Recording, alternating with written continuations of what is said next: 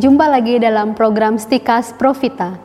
Seorang kenalan kami, seorang cewek, sebut saja namanya Bella. Dia mengalami kesulitan tentang masa depannya. Dia merasa masa depannya tidak menentu. Pekerjaannya tidak menghasilkan seperti apa yang diharapkannya. Belum lagi, dia masih belum menemukan jodoh yang pas dan cocok, padahal usianya sudah kepala tiga. Beberapa kali sudah mencoba menjalin relasi dengan cowok, tetapi hubungannya selalu kandas di tengah jalan dengan berbagai alasan. Entah karena keyakinan yang berbeda, perbedaan karakter, ataupun karena tidak direstui oleh keluarganya, dan alasan-alasan lainnya. Begitu juga di dalam pekerjaan. Sudah mencoba beberapa pekerjaan, tetapi tidak cocok dan akhirnya keluar dari pekerjaannya. Menjalankan usaha sendiri pun pernah dicobanya, namun hasilnya pun gagal juga. Hal inilah yang membuat dia merasa bahwa masa depannya tidak menentu, kabur, bahkan gelap. Hatinya menjadi kacau bila ia memikirkan hidup dan masa depannya. Bahasa sekarangnya bisa sering kita sebut hatinya sedang galau. Teman grup di WA-nya tahu bahwa dia sedang galau karena mereka sering kali chatting dari WA. Temannya berusaha membantu dia dengan membawanya ke tukang ramal untuk menerawang masa depannya yang saat ini belum pasti. Ceritanya cukup sampai di situ saja karena hasilnya tidak penting untuk kita.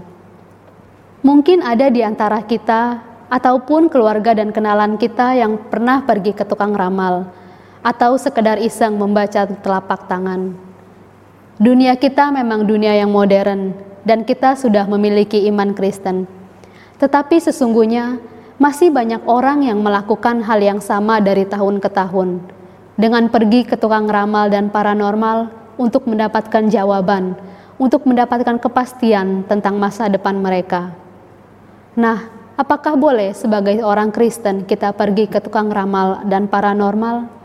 Atau bolehkah kita percaya kepada ramalan-ramalan tentang hidup dan masa depan kita? Ada bermacam-macam ramalan, misalnya membaca garis telapak tangan yang sangat sering terjadi, dan ada juga horoskop. Horoskop ini tidak hanya terjadi di Indonesia, tetapi di berbagai belahan dunia. Bahkan di Eropa pun banyak yang demikian.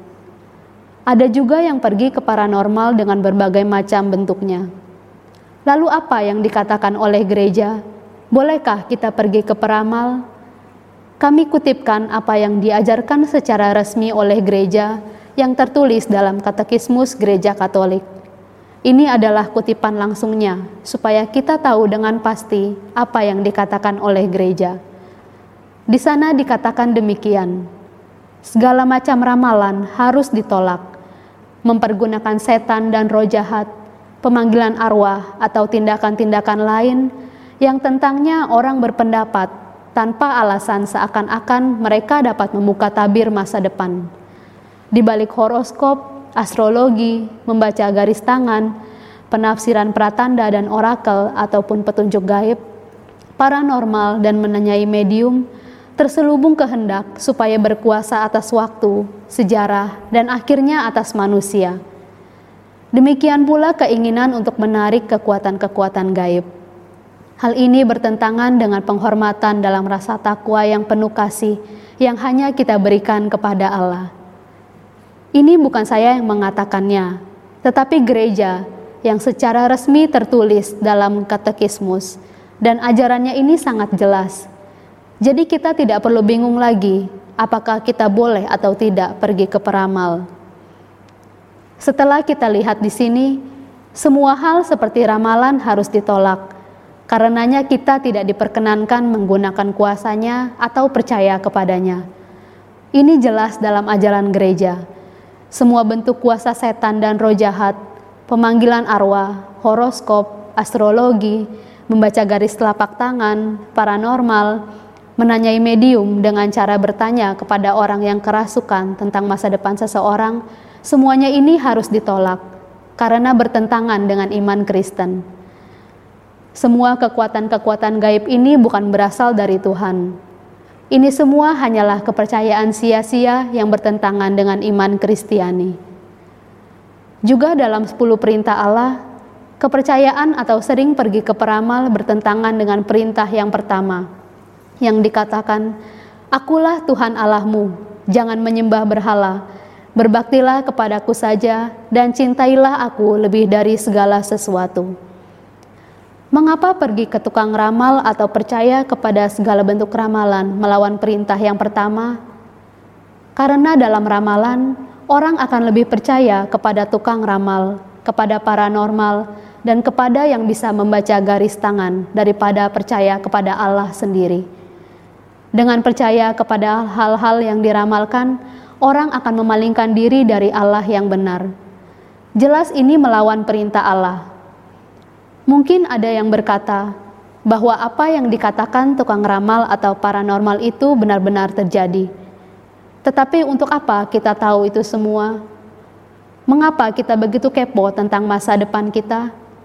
Kalau kita tahu masa depan kita akan baik, apakah tidak ada lagi ketakutan dalam hidup kita? Atau apakah kita akan hidup dalam kebahagiaan dengan hanya berpangku tangan? Atau apakah kita sudah merasa ada jaminan untuk masa depan kita? Lalu bagaimana kalau ternyata masa depan kita buruk? Ini melawan iman, di mana seorang Katolik harus memasrahkan hidupnya kepada Tuhan.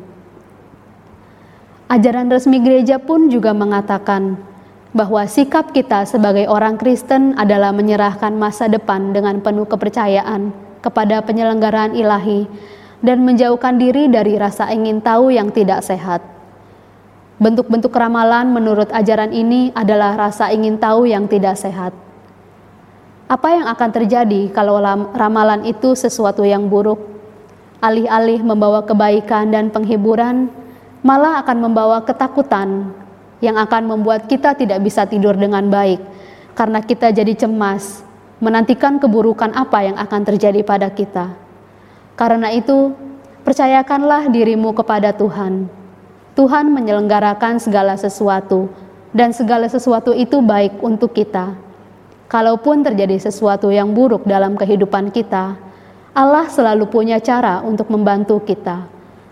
Mari kita tetap menghormati Tuhan kita dengan tidak pernah memalingkan diri daripadanya. Semua kuasa lain tunduk di bawah kekuasaan Allah. Semoga kita semakin mengenal dan mencintai kebenaran dan akhirnya memperoleh keselamatan. Salam Profita.